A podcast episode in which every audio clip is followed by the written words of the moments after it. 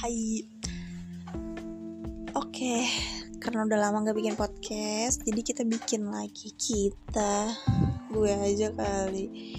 Jadi Podcast kali ini tuh Mau cerita tentang Yang lagi rame. Sebenarnya yang lagi rame diperbincangkannya ini tuh udah satu bulan yang lalu sih. Jadi ada ide buat bikin podcast ini tuh udah dari satu bulan yang lalu pas hari kedua masuk stase forensik tapi namanya juga ya Dinda ya. Jadi baru bikin sekarang setelah satu bulan. Alasannya ya namanya juga alasan kan bisa dibuat-buat. Alasannya bisa karena sibuk. Ya sebenarnya nggak sibuk-sibuk amat. Cuman ya waktu tidurnya terpotong gitu ya. Walaupun gak tiap hari waktu tidurnya terpotong. Cuman emang akhir-akhir ini dua minggu belakangan atau seminggu belakangan ini emang lagi lebih sibuk dari biasanya. Jadi baru bikin deh. Yang mau dibahas tuh tentang uh, berita tentang um, KDRT kekerasan dalam rumah tangga. Ya udah banyak yang tahu lah ya tentang kasus yang lagi diberitain itu. Walaupun kayaknya udah satu bulan ini udah udah mulai surut sih kayaknya pemberitaannya. Tapi yang mau dibahas di sini dibahas yang mau gue ceritain di sini tuh lebih ke uh, gue sebagai sebagai mahasiswa koas kali ya. Koas tuh mahasiswa ya enggak deh pokoknya sebagai pandangan gue lah pokoknya. Sebagai koas yang lagi baru masuk stase forensik. Nah stase forensik tuh uh, kalau orang orang-orang tahunya itu tentang otopsi DNA kalau mau identifikasi DNA kayak gitu sama uh, visum. Terus oke. Okay. jadi kita mulai bahas yang kasus KDRT itu.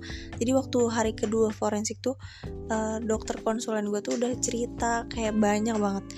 Tapi dari cerita beliau tuh kayak uh gue langsung terbuka gitu loh kayak oh jadi penting banget ya edukasi. Ya kayak pemahaman kita pengetahuan kita tentang Eh, hal-hal uh, kayak KDRT gitu.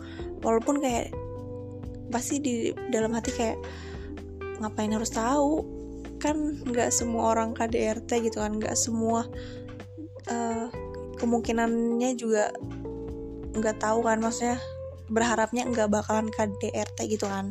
Cuman ya nggak ada yang tahu kan. Jadi lebih baik lebih lebih baik udah tahu gitu kan di awal. Jadi um, tentang KDRT ini yang mau gue bahas itu kan karena lagi ada kasus KDRT yang lagi ramai dibincangkan diperbincangkan. Jadi gue mau bahas tentang uh, siklus KDRT jadi ternyata kalau misalkan KDRT itu ada siklusnya. Jadi misal ketika kan kalau KDR itu dalam rumah tangga ya. Ketika misalkan salah satunya ini udah mulai ada kekerasan. Baru sekali nih. Nah itu tuh kita harus sudah harus ngepotong siklus KDRT-nya itu pada saat itu juga gitu loh. Karena nantinya akan terus menerus jadi siklus yang terus-terusan. Nantinya ketika dia sekali nih kekerasan oke dimaafin. Nanti dia akan ada lagi kekerasan yang selanjutnya. Terus ketika udah banyak nih kekerasan-kekerasan yang mulai muncul-muncul lagi karena ketika dia uh, ketika dia ngelakuin kekerasan dia dimaafin terus kan. Jadi kayak ya udah dia akan ngerasa lumrah suatu hal yang lumrah kayak suatu hal yang biasa. Dan nantinya tuh interval antara kekerasan yang pertama yang kedua kedua ketiga tiga keempat tuh akan lebih deket gitu loh. Misalkan yang pertamanya tahun satu tahun yang lalu terus nanti yang keduanya tuh bisa enam bulannya setelah itu terus nanti yang ketiganya itu bisa tiga bulannya setelah itu. Nanti lama kelamaan yang awalnya cuman sebulan sekali kekerasannya bisa sampai tiap hari gitu loh. Itu sih intinya siklus KDRT jadi siklus ini kan kalau siklus kan suatu keberlangsungan keberlanjutan gitu kan. Nah itu tuh harus dipotong. Gimana caranya supaya kekerasan itu nggak terus menerus ada dalam rumah tangga itu kan? Ya itu tadi caranya banyak sebenarnya. Dan masing-masing ini pun beda kan. Nantinya kalau amit-amit ada kasus KDRT gitu kan. Dan kalau dari perspektif gue sendiri ya ini opini doang. Kalau menurut gue cara motong si siklusnya itu ya udah berarti kita harus menjauh. Kayak diputus bener-bener diputus karena sekali dia kekerasan akan ada kekerasan-kekerasan yang lainnya ke depannya gitu. Nggak nggak bisa kayak kekerasan nih dimaafin udah gitu dia. Enggak karena siklus KDRT ini akan terus menerus gitu loh. Dan kita ya sebagai individu yang nantinya mungkin akan kok mungkin sih yang nantinya akan berumah tangga tuh harus tahu kayak uh, kekerasan itu bener-bener gak boleh gitu loh nol harus nol. Jangan sampai ada kayak sekali pun gak boleh. Gitu. Terus yang dan masih banyak juga yang nggak tahu kalau kayak kekerasan dalam rumah tangga tuh suatu siklus gitu loh. Nggak cuman dia ngelakuinnya sekali dan uh, misalkan dia bisa jadi ketika ada kekerasan berarti itu sebenarnya sebelum-sebelumnya pun mulai dari itu jadi udah jadi karakter dia gitu loh. Dia akan melawan kekerasan gitu. Jadi kayak kalaupun misalkan kita berpikir kayak dia dulunya tahu nih kekeras uh, suka mukul atau apa pun itu ya yang berbau-bau kekerasan gitu terus kita ngide ngide terus kita kayak uh, iya dimaafin nanti kita uh, kitanya mau merubah diri dia gitu kan cuman yang harus kita tahu justru ketika orang bisa berbuat kekerasan itu tuh udah jadi karakter dia. Dan kebentuknya pun gak kayak cuman sehari dua hari udah dari lama banget gitu loh. Jadi ketika dia kekerasan yang pertama kali yang mau gue tekenin itu sih yang tadi siklus KDRT ketika dia udah pertama kali kekerasan harus dipotong cut di situ benar-benar karena akan muncul kekerasan yang selanjutnya gitu. Poin pentingnya di situ. Terus yang gue lihat juga nih kalau di apa kenyataannya gitu kan. Kan tadi gue bilang buat motong siklus KDR itu udah bisa gitu kan. Cuman misalkan dalam kasus yang KDRT-nya ini laki-laki suaminya. Terus uh, istrinya tuh alasannya gak mau berpisah padahal dia udah dikas udah mendapatkan kekerasan yang berkali-kali gitu. Kebanyakan tuh alasannya karena dia uh, bimbang.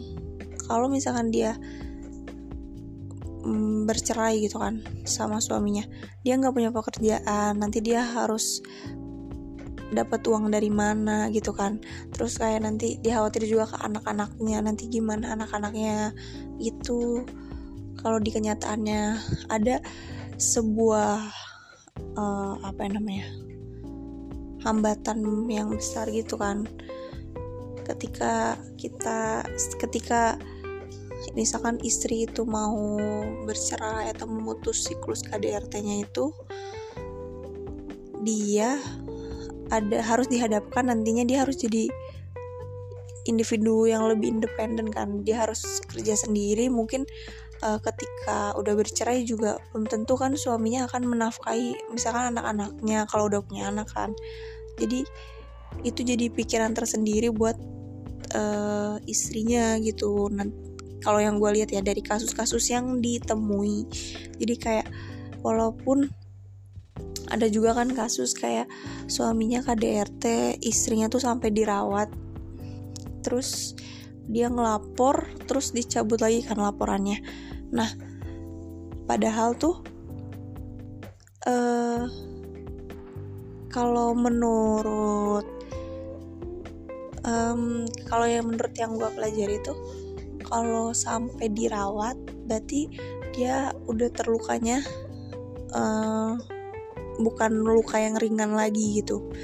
Jadi dia harus tetap harus ngelapor harus tetap berjalan gitu loh uh, aduannya.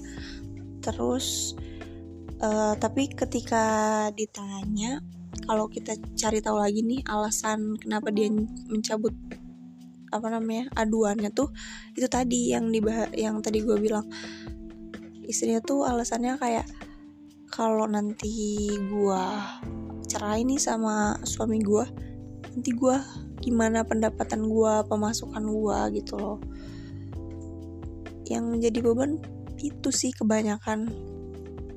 Jadi wanitanya ini istrinya ini takut buat independen dan ya memang emang kenyataannya tuh perempuan pun kadang kan nggak semua pekerjaan memperbolehkan jenis kelaminnya perempuan kan. Kayak emang lebih terbatas kan kalau kenyataannya juga pekerjaan tuh walaupun sekarang-sekarang uh, udah banyak emansipasi gitu kan. Kayak kesetaraan gender tapi tetap aja um, pekerjaan buat perempuan lebih sedikit kan tetap. Jadi itu tadi. Dan nggak oh ya dan uh, banyak juga kayak perempuan yang takut gitu loh kalau cerai nanti nggak dapat pemasukan. Terus padahal tahu nih ya udah kalau nggak dapat pemasukan kan kerja gitu kan. Cuman karena dia biasanya nggak kerja tiba-tiba harus kerja itu juga kan suatu hal yang harus diadaptasi diadaptasi baru gitu kan. Jadi ya itu deh yang mau gue tekan tadi yang siklus KDRT itu harus dipotong dan permasalahannya itu kalau misalkan mau motong siklus KDRT-nya itu kebanyakan karena si perempuan ini atau yang korbannya ini nanti dia harus hidup mandiri gitu kan harus kerja sendiri terus kayak uh, ada hal-hal yang harus dipikirin secara finansial, material ataupun moral gitu kan. Ya itu deh intinya gitu. Terus perasaan banyak banget ngomong gitu kan. Oke oke okay, okay, kurang kurangi. Terus tadi tentang KDRT. Terus yang gue lihat lagi itu yang bisa gue tarik kesimpulan kayak gue tuh sebagai mahasiswa koas gitu kan uh, berusaha kayak oh ini ilmu yang menurut gue semua orang harus tahu gitu loh. Tadi masalah yang siklus KDRT udah. Terus ada lagi tentang uh, ini apa persetujuan kalau untuk pemeriksaan otopsi. Jadi misal amit-amit amit-amit banget ini. Ada uh, keluarga kita yang meninggal gitu kan. Cuman meninggalnya ini memang belum tahu nih kenapa penyebabnya gitu kan. Nah kalau kita lapor dan juga uh, di, dari pihak kepolisian pun kalau memang ada hal yang seperti itu akan minta buat diperiksa mayatnya kan. Nah kebanyakan tuh dari pihak keluarga ketika uh, polisi minta dokter buat periksa mayat dan juga otopsi itu pihak keluarganya uh, kadang nggak setuju. Nah yang harus diketahui itu di sini justru otopsi yang autopsi yang yang lebih awam yang lebih banyak diketahui kata-kata otopsi kan itu kan pemeriksaan bedah mayat. Nah sebenarnya itu tuh pemeriksaan yang um, manfaatnya itu lebih lebih besar daripada resikonya. Walaupun kayak kita dari pihak keluarga pasti mikir kayak ah ngapain diotopsi?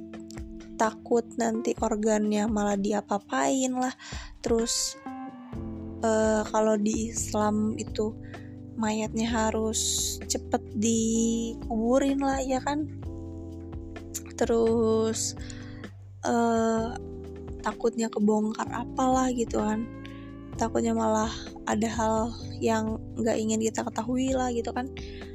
Cuman yang harus ditekanin di sini tuh yang perlu diketahui tuh sama banyak orang. Tadi resikonya lebih besar eh terbalik. Manfaatnya itu lebih besar daripada resikonya dari pemeriksaan otopsi ini. Jadi yang pertama eh, ketika dokter ini yang resmi ya kan pemer permintaan buat otopsi itu dari polisi. Polisi yang minta dokter buat dilakuin otopsi atas persetujuan dari keluarga. Ya kan terus uh, kalau misalkan keluarganya ragu-ragu karena tadi pertimbangannya takut organ dalamnya ya apa-apain lah. Terus kayak banyak juga kan kayak mitos-mitos hoax hoax hoax hoax.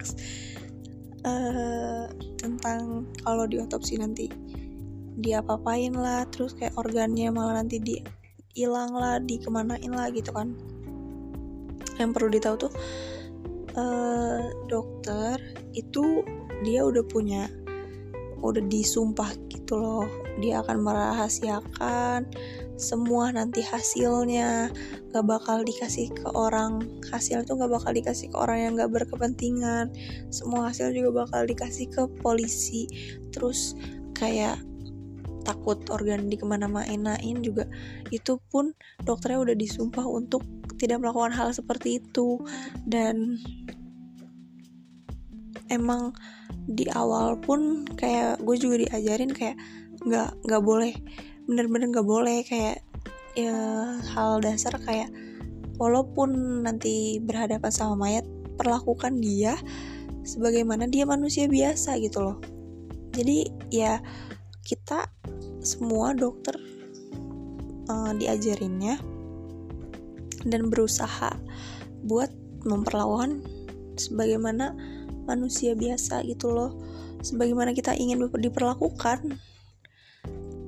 Jadi kalau misalkan ada yang berpikir kayak nanti organnya diapa-apain lah lah kalau gue gitu sebagai dokter ya gue juga nggak mau kayak gitu nanti kalau digituin gitu kan ya nggak bakal lah gue ngelakuin kayak gitu. Gitu. Kasarnya kayak gitu.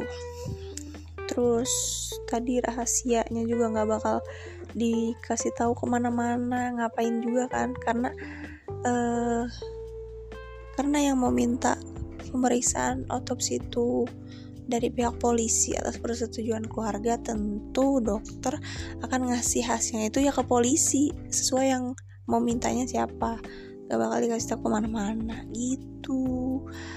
Terus udah sih intinya gitu. Yang mau ditekanin tuh yang tadi KDRT karena kebanyakan ya KDRT tuh tadi banyaknya korban itu perempuan. Jadi kalau terjadi KDRT ayo kita harus independen. Akan berusaha buat jadi wanita yang lebih independen. Supaya nggak dianiaya. Supaya tidak terjadi KDRT terus poin yang kedua tadi itu tentang persetujuan untuk otopsi. Karena manfaatnya lebih besar dari resikonya. Jadi yang mau gue kasih tahu kayak kalau nanti amit-amit ada hal-hal yang harus otopsi dan kita sebagai keluarga harus menentukan persetujuan setuju atau enggak sebaiknya ya setuju.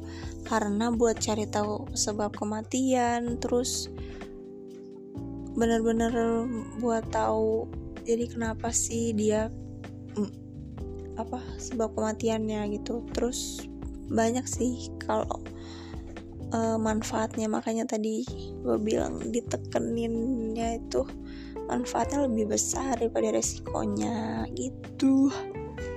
Udah paling itu sih. Sebenarnya ada lagi banyak kayak dokter dokter konsulen tuh banyak bercerita banyak hal gitu loh.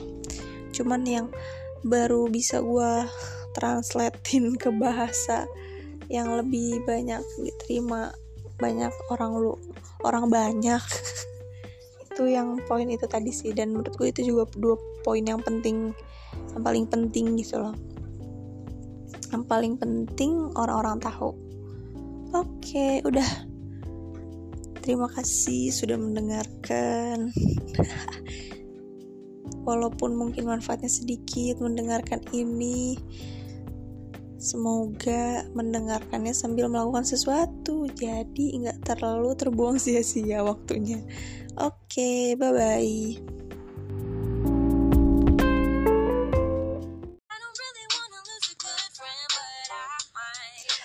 find something divine.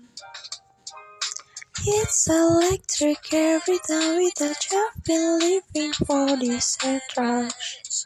But sometimes too much.